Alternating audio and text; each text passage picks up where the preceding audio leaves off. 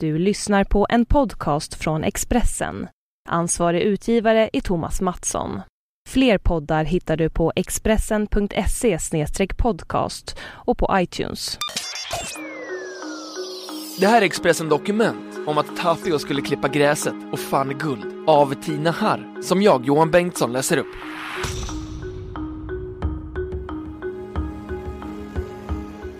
Omkring 2500 guld och silvermyntskatter har hittats i Sverige.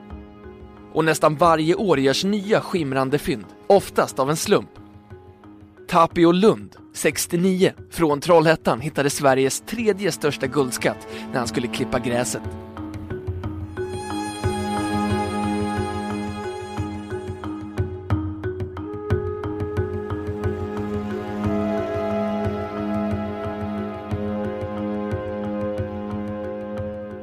Det var en solig sensommardag. Tapio Lund klippte gräset i sin trädgård i Vittene i Västergötland. Vid ett bergigt parti på tomten tog det tvärstopp. Han ropade på sin hustru Asta som började gräva. 20 centimeter ner såg de något som blänkte, en ring täckt med jord.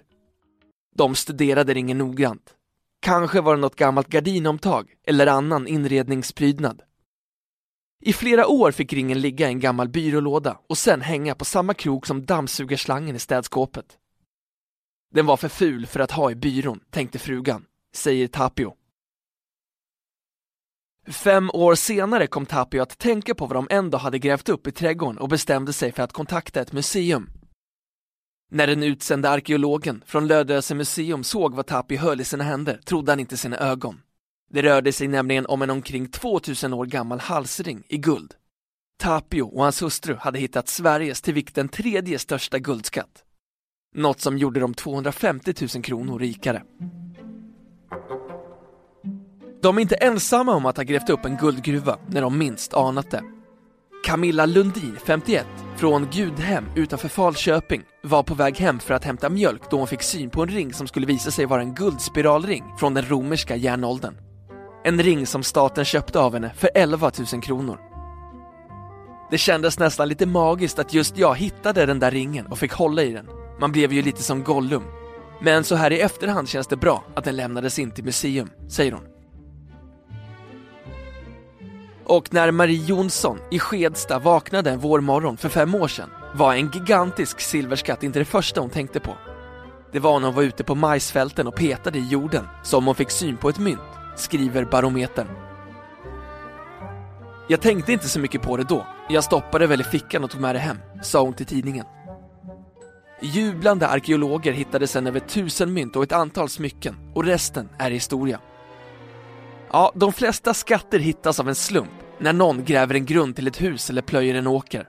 Men också djur som kor eller kaniner har hittat skatter genom att de har sprätt upp jord och mynt eller andra föremål har följt med upp. Men att gå på skattjakt är inget Kenneth Jonsson, professor i numismatik och penninghistoria vid Stockholms universitet, rekommenderar. För det första får man inte leta efter skatter hur som helst. Och om man väl hittar en skatt ska den inlösas av staten och det måste anmälas till Länsstyrelsen, Länsmuseet eller till Riksantikvarieämbetet, säger han. Sedan 1600-talet har Sverige nämligen en lag som skyddar fornlämningar och fornfynd och gäller som princip även idag. Alla fornfynd av guld, silver eller koppar som kan antas vara äldre än från 1850 ägs av staten. Det har lett till att Sverige har en stor samling forntida guld och silverföremål. Varje liten pusselbit hjälper till att få en bättre bild av vår historia och utan lagen hade vi haft en betydligt större försäljning av fornfynd på internet, säger Britta Rosborg på Riksantikvarieämbetet. Övriga Norden har liknande lagar men enligt Britta Rosborg har bland annat danskarna en annan inställning till fornfynd. Där är det fler privatpersoner som har hittat fornfynd och som rapporterar in det till skillnad från de omkring 5 till 10 ärenden som årligen inkommer till Riksantikvarieämbetet. De gör inte business av det på samma sätt utan vill hellre att fynden bevaras i landet och hamnar på ett museum än att det säljs till privata samlare eller utomlands. Vi har tyvärr inte riktigt samma inställning i Sverige, säger hon. Omkring 50 kilo förhistoriskt guld och 250 kilo silver har hittats i Sverige. Totalt har närmare 700 000 mynt hittats, var omkring 50 000 mynt hittats bara de senaste 15 åren. Den största guldskatten överhuvudtaget i Sverige hittades 1774 i Södermanland och vägde omkring 12 kilo. Men de flesta upphittade skatter brukar i regel vara aningen mer blygsamma. Det är väldigt stor variation på skatterna som hittas. Ibland är det något enstaka spänne och mynt, men med jämna mellanrum kommer stora myntskatter, säger Britta Rosborg. Den största mängden guld och silverskatter har hittats mellan 1870 och en bit in på 1900-talet. Guldet har kommit främst från perioden 200 efter Kristus till 550 efter Kristus och silvret mestadels från vikingatiden. Och det var inte ovanligt att fattigt folk genom potatisskörd eller nyodling var de första att upptäcka skattgömmorna efter flera tusen år i backen. För vissa innebar guldfynden en biljett till Amerika och ett nytt liv och för andra några ögonblick av lyx och flärd. Ett sånt exempel är drängen Axel Ferdinand Franzén som enligt Historiska nyheter 1897 fann en svärdsknapp i guld när han jobbade på en åker på Stora Väsbys ägor i Hammarby socken i Uppland. I statlig inlösning fick han 430 kronor, vilket motsvarade omkring fyra årslöner för en dräng. Han sa upp sig, åkte till Stockholm och roade sig för pengarna som räckte i två ynka veckor. Väl tillbaka på gården fick han tillbaka sitt jobb med nöd och näppe. De ilskna blickarna från gårdsfolket ryckte han bara på axlarna åt. Som dräng vet jag att jag aldrig kommer bli något annat.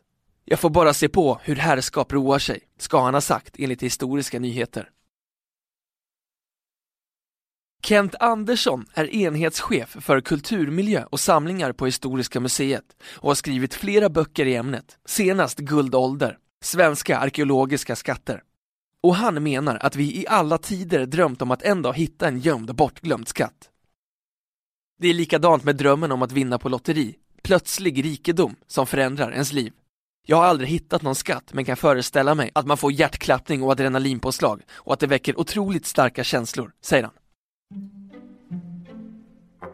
Men skattgömmorna har inte varit jämnt fördelade över landet. Gotland, Öland och Mälardalen och Skåne är landskapen där man hittat flest skatter. Det finns både ekonomiska, sociala och kulturella olikheter som förklarar det, berättar professor Kenneth Jonsson. I Skåne har man hittat mycket från 1600-talet och skånska kriget och på Gotland främst från vikingatiden. I Mälardalen, som länge haft en stor befolkningstillväxt, har man hittat mycket genom den ständiga exploateringen, säger han. Skatterna vittnar bland annat om ett behov att gömma vad som ansågs vara värdefullt och jorden var dåtidens bankfack. Det behöver inte vara mer dramatiskt än så.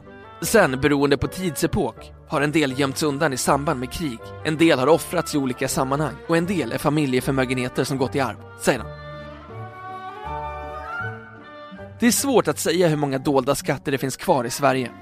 Men troligtvis är det bara en bråkdel som har hittats eftersom mycket har förstörts i takt med att jordbruket förändrats, menar Turen Sakrisson som är docent i arkeologi och har skrivit en avhandling om silver och guldskatter. Idag plöjer stora maskiner 40 cm ner i backen som ger stor åverkan på fälten och många gånger går man miste om arkeologiska fynd utan att ens vara medveten om det, säger hon.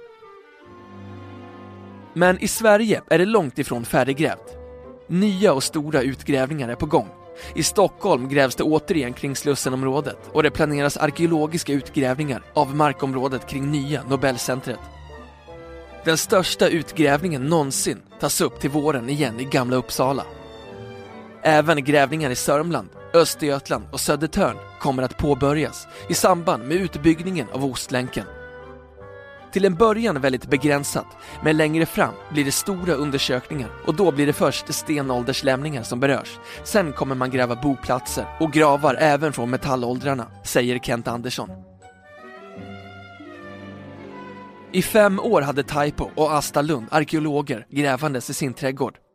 Ytterligare fynd gjordes på en åker i närheten. Nu efteråt tänker jag att det hade varit för riskfyllt att ha den där ringen hemma. Jag hade ändå inte haft någon nytta av den, säger han. Skatten finns nu i guldrummet på Historiska museet i Stockholm och när Taipo och Asta Lund kommer på besök tas de hand om som kungligheter, säger han.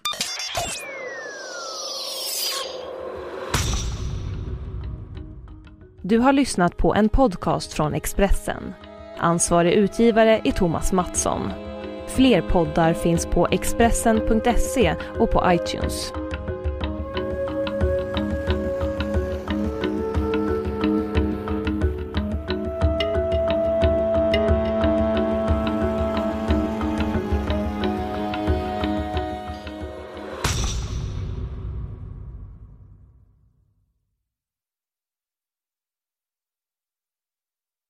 you poddtips från Podplay. I fallen jag aldrig glömmer djupdyker Hasse Aro i arbetet bakom några av Sveriges mest uppseendeväckande brottsutredningar. Går vi in med hemlig telefonavlyssning och, och då upplever vi att vi får en total förändring av hans beteende. Vad är det som händer nu? Vem är det som läcker? Och så säger han att jag är kriminell, jag har varit kriminell i hela mitt liv men att mörda ett barn, där går min gräns. Nya säsongen av Fallen jag aldrig glömmer på Podplay.